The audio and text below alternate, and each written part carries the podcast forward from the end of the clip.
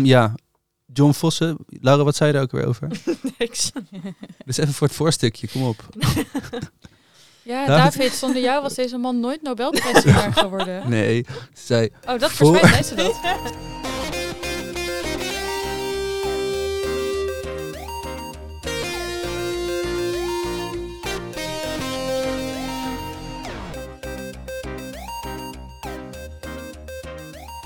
Hey, leuk dat je luistert naar deze aflevering van de Paagman Tip Boeken Podcast. Mijn naam is David en ik ben jullie host samen met Brit, tuurlijk. Ja, natuurlijk zitten we hier weer met z'n tweeën in het podcasthok. En eh, ja, we zijn hier niet alleen met z'n tweeën. We Godzijdank. hebben... Godzijdank. Nou, David. Wat heb ik hier weer zin in vandaag. Anders is We het zijn hier met, eh, met Laura. Ja, met Hoi, mij. Laura. Hallo, hallo. Hoe is het met Laura? Ja, goed. Ja, geen, geen heftige eh, frontline verhalen van de, de boekenvloer, van de, van de boekhandel boven. Nee, misschien komt dat nog halverwege. ja, de najaarsdrukte die voelen we wel al. Hè? De feestdagen drukte begint zo Ja, nu zeker. langzaamaan op te voeren. En we nemen dit op eh, tijdens Halloween. En er lopen een hoop kinderen rondom om snoep te vragen boven. We hebben nog een ultieme Halloween tip. Ik- Ons Griezelbus. van de maand? Nou ja, ik zou zeggen griezelbus. Dolfje, weerwolfje. Goed Drie idee. tips, ja? Oké. Nee, ik vind het Laten we doorgaan. Dolfje, weerwolfje. Ehm, ja, want natuurlijk, elke eerste vrijdag van de maand tippen onze boekverkopers een boek van de maand en andere leestips. En deze maand hebben jullie gekozen voor... Northwoods van eh, Daniel Mason. Het is uitgegeven door uitgeverij Hollands Diep en vertaald door Theo Schoenmaker. En ja, waar we vorige maand aangaven in de podcast dat het best wel even duurde voordat we een keuze hadden kunnen maken, omdat eigenlijk ja, iedereen een beetje een eigen favoriet had, was het deze maand, vooral jij ook Laura, jij kon niet wachten tijdens de vergadering om het over dit boek te gaan hebben. nee, klopt. Dus vertel. Wat een boek zeg, ja. Je verdwaalt haast in dit verhaal, maar gelukkig kom je steeds weer terug bij het huis en het bos, waar het dus uiteindelijk over gaat. Ehm, het gaat dus over dat huisje waar het begint met twee jonge geliefden die ontsnappen uit een Puriteinse kolonie. ko- sorry, die ontsnappen uit een Puriteinse kolonie. Eh, en dat, dat blokhutje is dus de thuisbasis voor een uitzonderlijke reeks bewoners. Dan heb je een Engelse militair, voorbestemd voor eeuwige roem. Eh, maar hij eh, gaat zich wijden aan appels. Dan een stel ongetrouwde tweelingzussen die de oorlog en de hongersnood overleven. Een misdaadverslaggever die een massagraf opgraaft en merkt dat de eeuwenoude bomen weigeren hun geheime prijs te geven. Een hopeloos verliefde schilder, een oplichter, een rondsluipende panter, een wellustige bij. Allemaal zien ze de mysteries van de noordelijke bossen onder ogen en komen erachter dat het duistere, rauwe en mooie verleden nog steeds springlevend is. Je hebt dus een hoop personages. Voor sommigen heb je sympathie en voor sommigen niet. Maar daar lees je dan misschien ook wel sneller doorheen. De plek daarentegen in de bossen in Noordwoods is altijd betoverend. Prachtig verhaal. Zo. Nou. Tot eh, volgende maand. Nee. nee, eh, ik denk voor de, voor de, voor de hardcore eh Paagman Tip Boeken po- podcast luisteraars of lezers merk ik dat ik moet denken aan Dieudonné. eh Kerosine, wat een boek van, van de maand van ons is geweest. Wat Ja, ook een beetje een element heeft al. van... eh, Klopt. Ehm, het verschil bij, bij dat boek, Kerosine van Adeline de Dionné, is dat eh, dat gaat inderdaad ook over verschillende personages en je leest veel over hun eigenaardigheden en eh, ja, hun eh, moment in het leven. ja, en alles, Ehm, alles speelt zich, want dat, eigenlijk de vergelijking is, alles speelt zich af op dezelfde plek, rond een tankstation, een Ja. benzinestation. Ja, boek. alleen is het in, in, in dat boek komen al die personages eigenlijk op eenzelfde plek in de tijd op dat tankstation, eh, benzinestation samen. En bij dit boek, Northwoods, ehm, is het juist lineair, de tijd. Dus het ene verhaal volgt het andere verhaal op. En je gaat dus van de 17e Ja, eeuw ongeveer zoiets, ja. tot nu. Ehm, en gaat het eigenlijk ook gewoon ja, chronologisch. Eh, dus het is eigenlijk de stabiele factor is dus dat huisje in dat bos. En soms wordt er weer wat bijgebouwd en soms gaat er wat weg en dan groeit er een boom en dan gebeurt er iets anders. Ehm, Maar je herkent hem altijd. Ja, want wat, dat, het, het huisje in het bos, wat moet ik me daarbij voorstellen? Is het een hutje of wordt daar niet, is dat gewoon een soort van bijna een beeldspraak voor een soort thuisbasis? Of wordt Nou, het... Het begint als het wordt best wel vaak beschreven. Het begint als een hutje bij de eerste, eerste bewoners, maar eh, op een gegeven moment woont er ook even een tijdje niemand. Dan woont er bijvoorbeeld een panter of zo en dan wordt het een soort van wrak bijna. Eh, en dan komen er weer bijvoorbeeld jagers of zo wonen die het echt een jagershut maken en er allerlei dingen bij bouwen en Maar het blijft wel de hele tijd de kleur geel. Dus dan weet je dat die, dat, dat dat huisje is. En het blijft in het bos en er zit niet zoveel omheen ook. In welk land is het? Vraag ik me eigenlijk in af omdat ik, twijfel hoor. tussen Amerika en Canada. Ik wist het niet zeker. Ehm, Wordt het ja, gezegd? volgens mij is het wel Amerikaans, toch? Met de Indiaan. Ja, de Indianen worden daar verdreven op dat stuk. En, ehm, maar dat is ergens. Het heeft ook wel gewoon iets universeels. Ja, oké. Eh, dus als het er al een, een exacte locatie in heeft gestaan, dan is dat bij mij in ieder geval niet blijven hangen. Of was dat niet de, de boventoon in het, eh, in het verhaal. Eh, en het interessante is dus, nou ja, we vertelden dus over al die verschillende verhalen en al die verschillende karakters die elkaar opvolgen. Ehm, maar ieder verhaal heeft wel zijn eigen vertelstem. Mhm. Dus dan heb je weer een liedje of een advertentie of een brief. Iemand die dus het zelf op heeft geschreven. Dan heb je weer meer een soort ehm, ja, vogelperspectief waar je, waar je het in ehm, ja, waar je het verhaal in, in leest. Mhm. En nou ja, zoals Laura al zei, niet ieder personage is misschien helemaal jouw ding, maar door de afwisseling ehm, en doordat ieder verhaal toch wel weer een andere climax, spanningsboog, vertelstem heeft, toont het zo ontzettend de veelzijdigheid van de, van de auteur, van Daniel Mason, dat het in het geheel, ja, sleept het je volledig mee. En ja. ja, het zijn dus mensen die je volgt, maar er is ook inderdaad dus een, een, eh, een puma of een bij. ja, Ehm, een bij. en dat Vertel- zorgt ook gewoon, de, de, de natuur van het huisje heeft dus ook gewoon een, ja, een, een, een functie, een stem, een... Mag ik meer weten over de wellustige bij? Ja. ja, zoals we al zeiden, is een hoop verschillende dingen. En soms woont er ineens niemand. En dan komt er of een panter of inderdaad een bij of een kever te wonen. En dan, er is één zo'n verhaal vanuit, volgens mij is dat een mestkever. En dan gaat dat gewoon, dan is dat gewoon een willekeurig verhaaltje over wat die mestkever voelt of zo. En, dat, en dan, ja, dat is een paar pagina's. En dan ga je naar het verhaal daarna. En dan merk je dus bijvoorbeeld ineens dat er een boom is omgevallen op het huis of zo, weet je wel. Dus alles heeft toch wel een functie. Mm. Je zegt natuur. Ja, dus in ieder, in ieder verhaal zit soms weer een beetje van die easter eggs of van die dingetjes die je dan van e- eerdere verhalen dan weer, eh, dan weer terug krijgt. Bijvoorbeeld eh, in de eerste, ja, we willen natuurlijk ook vooral heel erg dat mensen het zelf gaan lezen.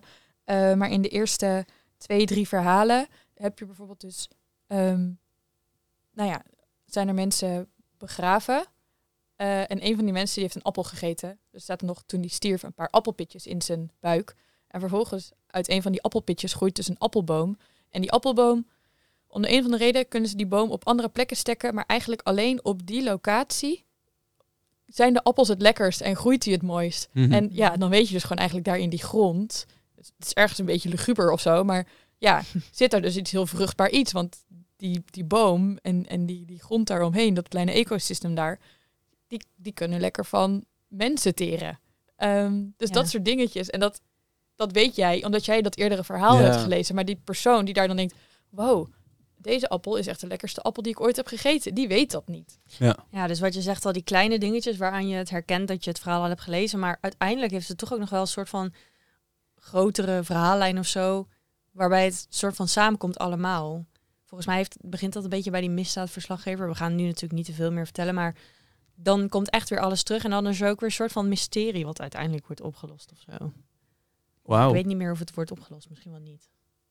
Ja, Het is ik, in ieder geval de moeite waard om daar zelf achter te Ja, het komen. is Ja. echt... Het is echt eh, maar wij hebben altijd bij de podcast hebben we show notes, waar we, tenminste het heet heel chic, dat is eigenlijk gewoon een A4'tje met een beetje Ik vind eh, reminders. dat je nu al mijn werk begint te ja, ik ben tegen dat. het- ik, ben een beetje tegen zulke Engelse termen, maar eh, we hebben een A4'tje met wat, wat eh, dingen waar we op kunnen zien waar we het over hebben. Maar ik zie daar ook de zin op staan. Hoe leven wij verder, ook als we er niet meer zijn? En die vind ik echt, vind ik echt prachtig. Als Ja, dat diep, hè? nou ja, goed bedacht, Britt. nee, maar het is toch een soort, het is een soort eh, menselijke, ehm, de urge. Ik heb dat wel eens met de koelkast, dat ik denk, ja, wat gebeurt er in mijn koelkast als ik de deur dicht heb zitten? Staat het lampje aan? Dat. Jij gaat naar dat kiertje te kijken wanneer... Ja, maar dan gaat hij aan. en Ik, ja, het is niet te doen. En dit lijkt een soort van. Ja, dit is echt wel een diepe vraag ook. Zeker als je het boek hebt gelezen. Twee van ons wel, één van ons niet. Dan weet je ook gewoon... Hoe leven wij verder als we er niet meer zijn? Wij weten hoe ze dat doen. Oké, jullie hebben het gewoon een antwoord op die vraag. Het is helemaal geen diepe vraag, het is heel praktisch. Het staat allemaal, eh, komt dat zien? Het staat in Norwood, Daniel Mason, die beantwoordt de vraag. Want daar, Nee, maar het is wel een vraag die, terwijl je aan het lezen bent, ehm, ja, dat een beetje blijft, blijft oproepen. Want een van die personages, dus bijvoorbeeld die, die schrijft dan ook een brief. Is, of ja, is eigenlijk aan een brief aan het schrijven. En zegt dan zelf ook, nou ja, ik schrijf dit misschien uitgebreider op dan nodig is. Maar ja, wie weet wordt dit ooit een boek. Ja, dat is toch grappig. Ja, ik Ah, vind ja. dat grappig. Dus dat is bijna een beetje meta eigenlijk of Ja. zo. Ja. Cool. Het is, ja, het enige wat ik me echt nog heel erg afvraag, wie Daniel Mason is. Want, je, want eigenlijk aan dit boek kan je ook niet helemaal zien wat zijn schrijfstijl is, omdat hij het in 18, 18 vormen laat komen eigenlijk. Mhm. Advertentie, lied, verhaal. Maar kennen we hem van eerder werk of is het een nieuw Kid on the Block? Nou, ik denk dat hij in, in Nederlandse werken niet zo heel erg bekend is. En daarom vind ik het ook heel leuk dat we hem nu iets meer dat podium kunnen geven. Eh, maar op zich, hij heeft nu drie of vier boeken.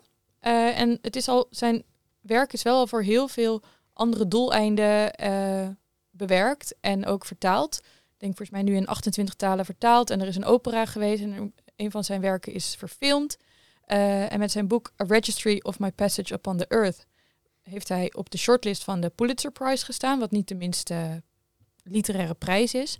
Dus eh, ja, op zich kan je zijn naam kennen, eh, maar toch vonden we het wel de moeite waard om hem eh, nu nog even nog meer in, de- in de spotlight te zetten. Nou, laat dit dan de opening zijn naar zijn andere werk. Daniel Mason, Ja. Northwoods. En dan hebben we een volgend boek. Dat was eh, eigenlijk ook een best wel grote kanshebber. Dat is Hope van Andrew Ritker. Het is uitgegeven door uitgeverij Ambo Antos en het is vertaald door Jan de Nijs.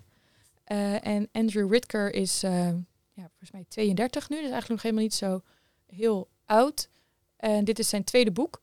En Andrew Ritker groeide op in de VS, net buiten Boston. Dezelfde plek waar Hope zich afspeelt. Het verhaal start in augustus 2013. En eh, iedereen in het idyllische Brookline in Boston is jaloers op de familie Greenspan. Scott Greenspan is een succes, succesvolle arts met een eigen cardiologiepraktijk. En zijn vrouw Deborah Gre- Greenspan runt haar eigen non-profit organisatie. Hun dochter Maya, die werkt bij een vooraanstaande uitgeverij in New York. En eh, ja, zoon Gideon die is bezig met zijn studie medicijnen. En eh, ja, kan eigenlijk niet wachten om het eh, in de voetsporen van zijn vader te trainen, eh, treden. En ja, samen vormen ze een best wel bijzondere familie. Ehm, en ja, denk je, nou, op zich niet zo heel erg interessant, maar ja, een beetje een goede roman. Die, die kent een kantelpunt. Eh, dus al snel wordt Scott betrapt op het vervalsen van bloedmonsters. En dat zorgt eigenlijk voor een hele serie schandalen. Eh, je komt erachter dat Scott en Deborah een open huwelijk hebben. En dat begint scheuren te vertonen. Eh, en zo kom je eigenlijk eh, ja, op best wel veel plekken in de wereld. Je volgt het verhaal vanuit de vier hoofdpersonen. Ieder heeft zijn eigen deel in het verhaal. Ehm, en ja, dat, dat gaat eigenlijk allerlei kanten op. Vat ik dat een beetje snel, Ja, kort perfect. samen? ja, dat vond ik wel een van de meest aansprekende dingen van het boek. Dat je dus inderdaad vier personages hebt en dat zijn de vier leden van het gezin. Dus je, ik bedoel, je leest bijvoorbeeld die, eh, het vervalsen van de bloedmonster van Scott. Lees je vanuit hem, dus hoe hij dacht dat die- hoe die daar onderuit ko- zou komen of wat dan ook. Maar ook bijvoorbeeld vanuit zijn zoon die medicijnen studeert en opkijkt naar zijn vader en dat soort dingen. Dus dan komt er wel meer diepgang of zo in alle gebeurtenissen. Ja, en het, het, het is dus een ogenschijnlijk harmonieuze familie. Die, die ontmantelt zichzelf eigenlijk op een manier. Ja, ja je, je merkt al op zich dan wel op een gegeven moment. Dus eigenlijk doordat ja, die fraude van Scott ehm, en die ideeën over dat open huwelijk. Legt, dat, legt het een en ander bloot, maar het laat wel zien dat er al veel een beetje meer schijn was. En ehm, ja, dat, dat iedereen toch heel erg zijn eigen ervaringen heeft. Ehm, een belangrijke noot in dit boek is dat ze van Joodse kom af zijn. Ehm, dus dat maakt het boek ook meteen heel ja, relevant eigenlijk in de tijd waarin we nu leven. Ehm, met eh, ja, de, ja, het conflict eh, eh, in Israël-Palestina. Want bijvoorbeeld dus Gideon, die dus na de fraude van zijn vader op zoek gaat naar... ja, wie ben ik eigenlijk? Wat voor jeugd heb ik nou eigenlijk gehad? Wat voor toekomst wil ik? Trekt hij naar Israël. Omdat, ja, kennelijk hebben- krijgen Joodse jongeren, dat wist ik eigenlijk helemaal niet, Nee. eh, die kunnen een soort van gratis groepsreizen Mhm. eh, gaan doen om dus hun ja, soort van eventuele thuisland te leren kennen. Eh, dus Gideon gaat dat, eh, ja, gaat dat doen. Ehm, en ja, is gewoon wel een, een kritisch persoon van zichzelf. Dus die bevraagt daar Veel. in zijn hoofd veel, maar ook sommige van zijn groepsgenoten die bevragen ook daadwerkelijk veel. En dit is natuurlijk dus allemaal gebeurd voor de, ge- Hmm. de gebeurtenissen in oktober 2023. Want het verhaal speelt zich dus af in 2013, 2014. En dit boek Mm. was natuurlijk ook eerder dan vorige maand al voltooid. Dus dat geeft het ook een hele ja, gekke dynamiek om het, om het nu zelf te lezen. En ik merk bij ons in de winkels ook, zijn er best wat mensen die gewoon op zoek zijn naar eh, non-fictie, maar ook Duiding. romans. om- Ja, duiding. Ehm, en op zich ja, zou dit boek daar best wel ook een, een kandidaat voor kunnen zijn. Dus niet, het gaat jou geen antwoord geven op wat daar, ja, wat daar gebeurt en wat daar de geschiedenis is. Maar het laat wel weer een perspectief zien. En Ja. Mhm. geeft jou weer wat tools om verder vragen te stellen of ehm, ja, begrip te tonen of juist niet. Ehm, dat is ook maar net naar ja, Ja, waar je zelf naar op zoek bent of zo. en zeker in deze tijden zijn boekhandels, hadden het er net voor het, het opnemen daar heel Ja. even over, ook echt een baken van kennis. Ja. En duiding. En dat graag. We zijn het allemaal met elkaar oneens en weet ik veel wat. Maar er liggen zoveel boeken en, en, en dingen in de winkel die nuttig zijn. Dus mooi als ook Ja. zulke nieuwe boeken gewoon een... Elk perspectief is in principe belangrijk. Op het moment dat we perspectieven onbelangrijk gaan vinden, dan, dan gaat er iets mis. Ja, je kan de kranten stuk lezen en het, eh, de live blogs bekijken en het journaal iedere dag aanzetten. Maar het, het gaat ja, toch ook misschien om dat grotere geheel en ja, de, de, de, de, kleinere onderwerpen of zo nog steeds. eh, ja, om zo een beetje jou, je eigen wereldbeeld ook te vergroten of zo. Want Ja. waarom, waarom dan toch niet dit boek bijvoorbeeld als, als boek van de maand? Was dat... Eh, wat ik persoonlijk één klein minpunt vond aan dit boek is, je leest dus wel die verschillende hoofdpersonen en ze zijn een gezin, ook al vallen ze op een gegeven moment een beetje uit elkaar, maar ze zijn een gezin, maar ze communiceren toch weer niet echt met elkaar en het lijkt een beetje los van elkaar te zijn of zo. Dus sommige personages spreken ook weer niet zo aan en ze spreken ook niet echt met elkaar, dus misschien dat daar Ja, we hadden daar wel ook een interessante discussie over tijdens de Boek van de Maandvergadering. Omdat sommige collega's, nou ja, toen benoemden we het Ja. ook. En sommige collega's zeiden juist, ja, dat is op zich ook wel... Ik vond dat juist wel herkenbaar en realistisch. Want eh, je volgt al deze personages als ze voor een groot deel niet meer met elkaar in hetzelfde huis wonen. Dus je hebt dan sowieso al een afstand en ook een soort van nieuwe manier waarop je dan als familieleden met elkaar, ja, zich tot elkaar moeten verhouden. Maar ja, toch ja, was dat wel ook iets wat, ja, wat meerdere van ons opviel. En soms zit je ook maar net met welke boeken er nog meer zijn gelezen. Mhm. Ja. En ja, over Noordwoods, ook hebben we over hoop ook lang kunnen praten met elkaar. Dus echt wel echt de moeite waard vonden we het boek. Ehm, ja, was Noordwoods. Dan, je, je, je voelt de energie veranderen in zo'n vergadering. Ja, het gewoon een te goede eerste Ja. eh, is soms heel oneerlijk voor de tweede. Maar desalniettemin een tip. Andrew Ritker, Hope. En dan hebben we nog een derde boek wat we graag willen benoemen. Eh, dat is het boek Dit Andere Paradijs van Paul Harding. Het is uitgegeven door Querido en vertaald door Jan Vastenau. Ehm, dit is een boek, ja, zoals we al zeiden, we zijn altijd op, ja, praten in zo'n vergadering met elkaar eh, en proberen ook een beetje out of the box te lezen voor onszelf. Ehm, en ja, omdat iedereen een eigen smaak heeft en eigen interesse heeft, kan een boek soms voor de een wel iets zijn en voor de ander niet. Dit is een boek dat wij allebei ja, niet zo fantastisch vonden. Ehm, maar ja, andere collega's werden er wel lyrisch over. Eh, het gaat namelijk eh, over. Het is een op ware gebeurtenis gebaseerd verhaal van een eiland waar generaties verschoppelingen hun thuis hebben gebouwd. Beginnend bij de zwarte Benjamin Honey en zijn Ierse vrouw Patience. En ruim een eeuw later wonen hun nazaten nog steeds op Apple Island samen met een zeer diverse groep buren. Zijn arm en lijden vaak honger, maar zijn gevrijwaard van de discriminatie en segregatie die op het vasteland aan de orde van de dag zijn. Totdat je dan de idealistische schoolmeester Matthew Diamond de aandacht van de autoriteiten vestigt op de in zijn ogen erbarmelijke omstandigheden. Dat zorgt dan weer voor een gedwongen evacuatie van het eiland en wat ervoor zorgt dat de bewoners ja, op zoek moeten gaan naar een nieuw paradijs. Het boek kent heel veel thema's, zoals kolonialisme, rassendiscriminatie, Maar ook hoe goede bedoelingen soms heel verkeerd uit kunnen pakken. Dit boek heeft op de shortlist van de Booker Prize gestaan. Dus zeker niet, eh, niet de minste.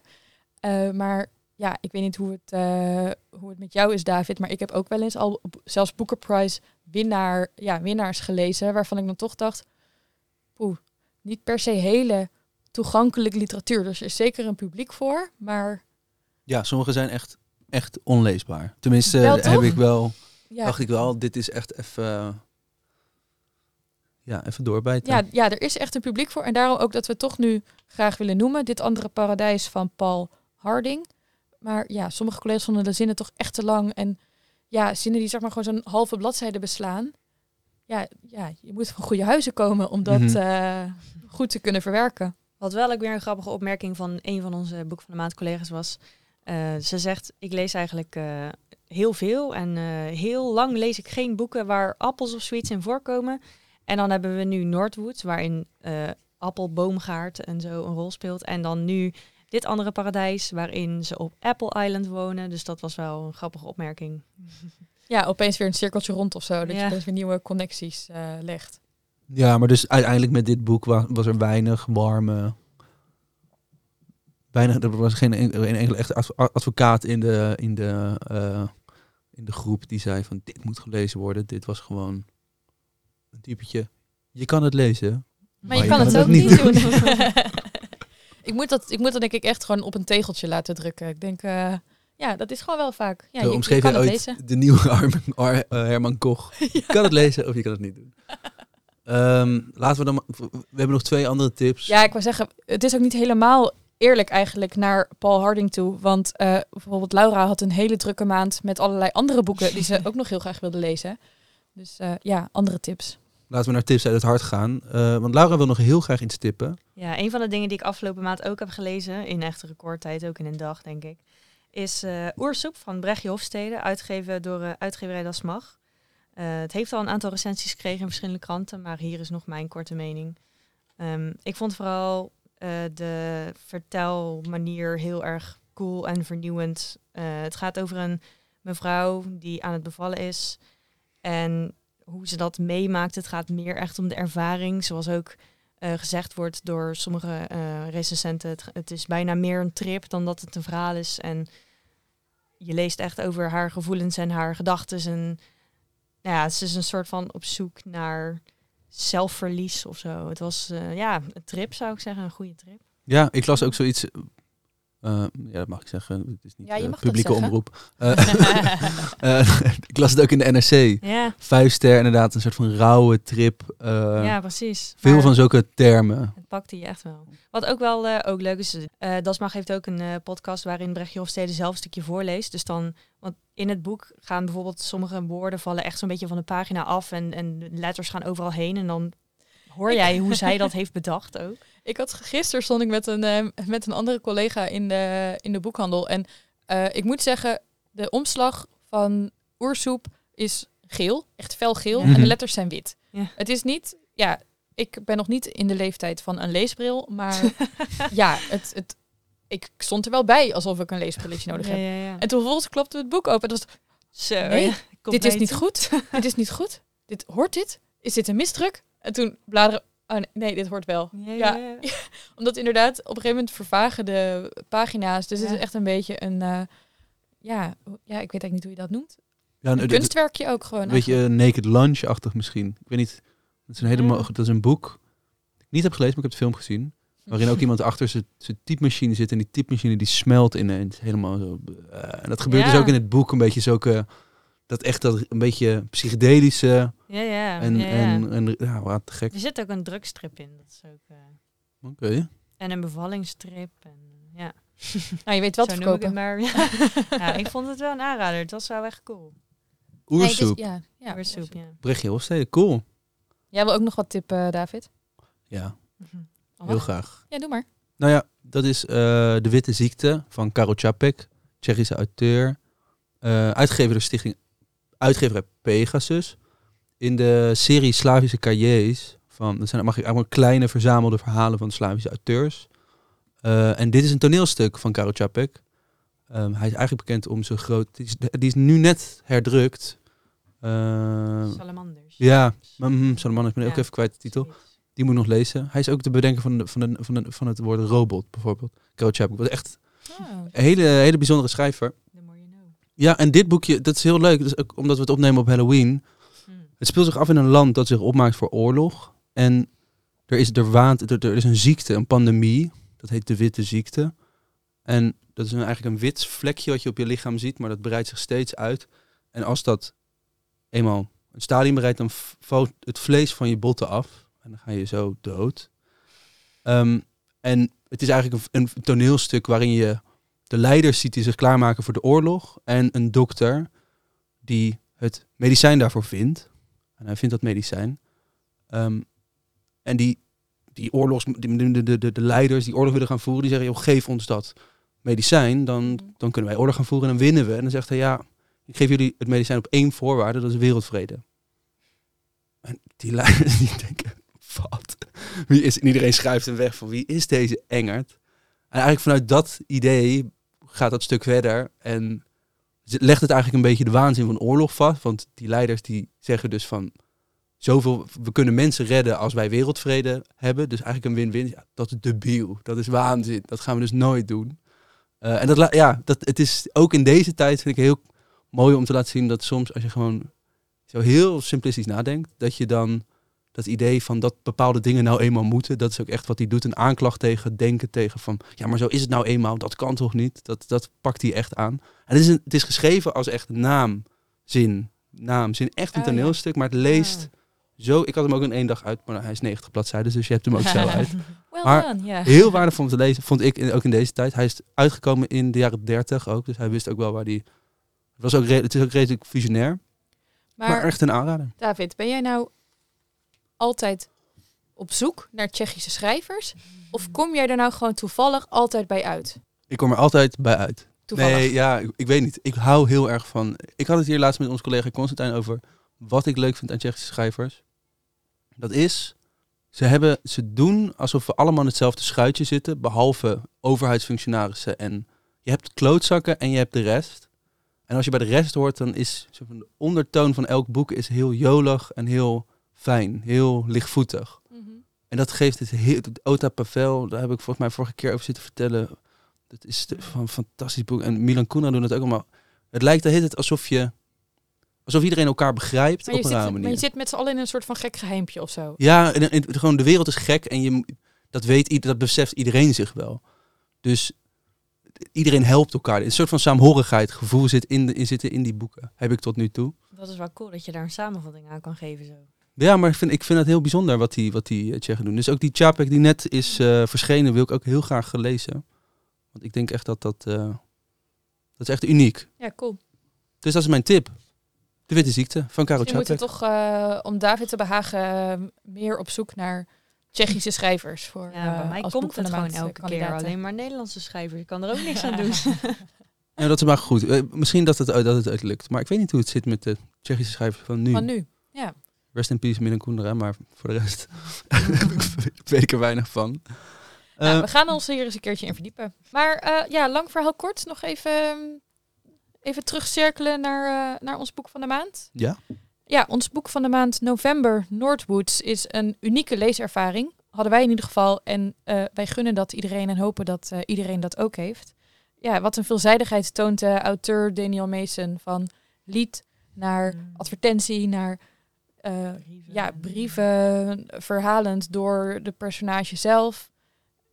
Echt, echt een aanrader. We hebben nog nooit zoiets gelezen. En eh, ja, we hopen dat heel veel mensen dit eh, willen gaan lezen. Gaat dit boek op jouw leestapel? David? Zeker, absoluut. Ik denk dat eh, dit kunnen we alleen maar aan, eh, aanmoedigen. Experimenten en eh, ja, ik bedoel... Goed uitgevoerde experimenten. Goed uitgevoerde experimenten, ja. Slecht uitgevoerde experimenten. Laat die zitten. alsjeblieft thuis. eh, niet opsturen naar uitgeverijen. Niet proberen. Nee, ik, eh, ja, no-brainer. Deze gaat op de, ik, heb een hele, ik ben weer terug in mijn streak. Ik lees weer heel veel. Ik heb twee boeken deze week Wat al uit. We, ne- we nemen dit op op We zijn dinsdag. op dinsdag. Ja. Twee Ja. boeken van 90 bladzijden. Dus Eentje van kanttekening. Nee. 300 en eentje van 100. Nee, dat ik ben trots slecht. op je. Ik vind het goed van je. Ehm, dus ja, dit gaat gewoon op de lijst. Ik weet, ook, ik weet even niet waar. Ik ga John Vossen toevallig lezen. Ik weet niet of jullie die kennen. Ik, ik ken hem al een tijdje. Weet ik niet.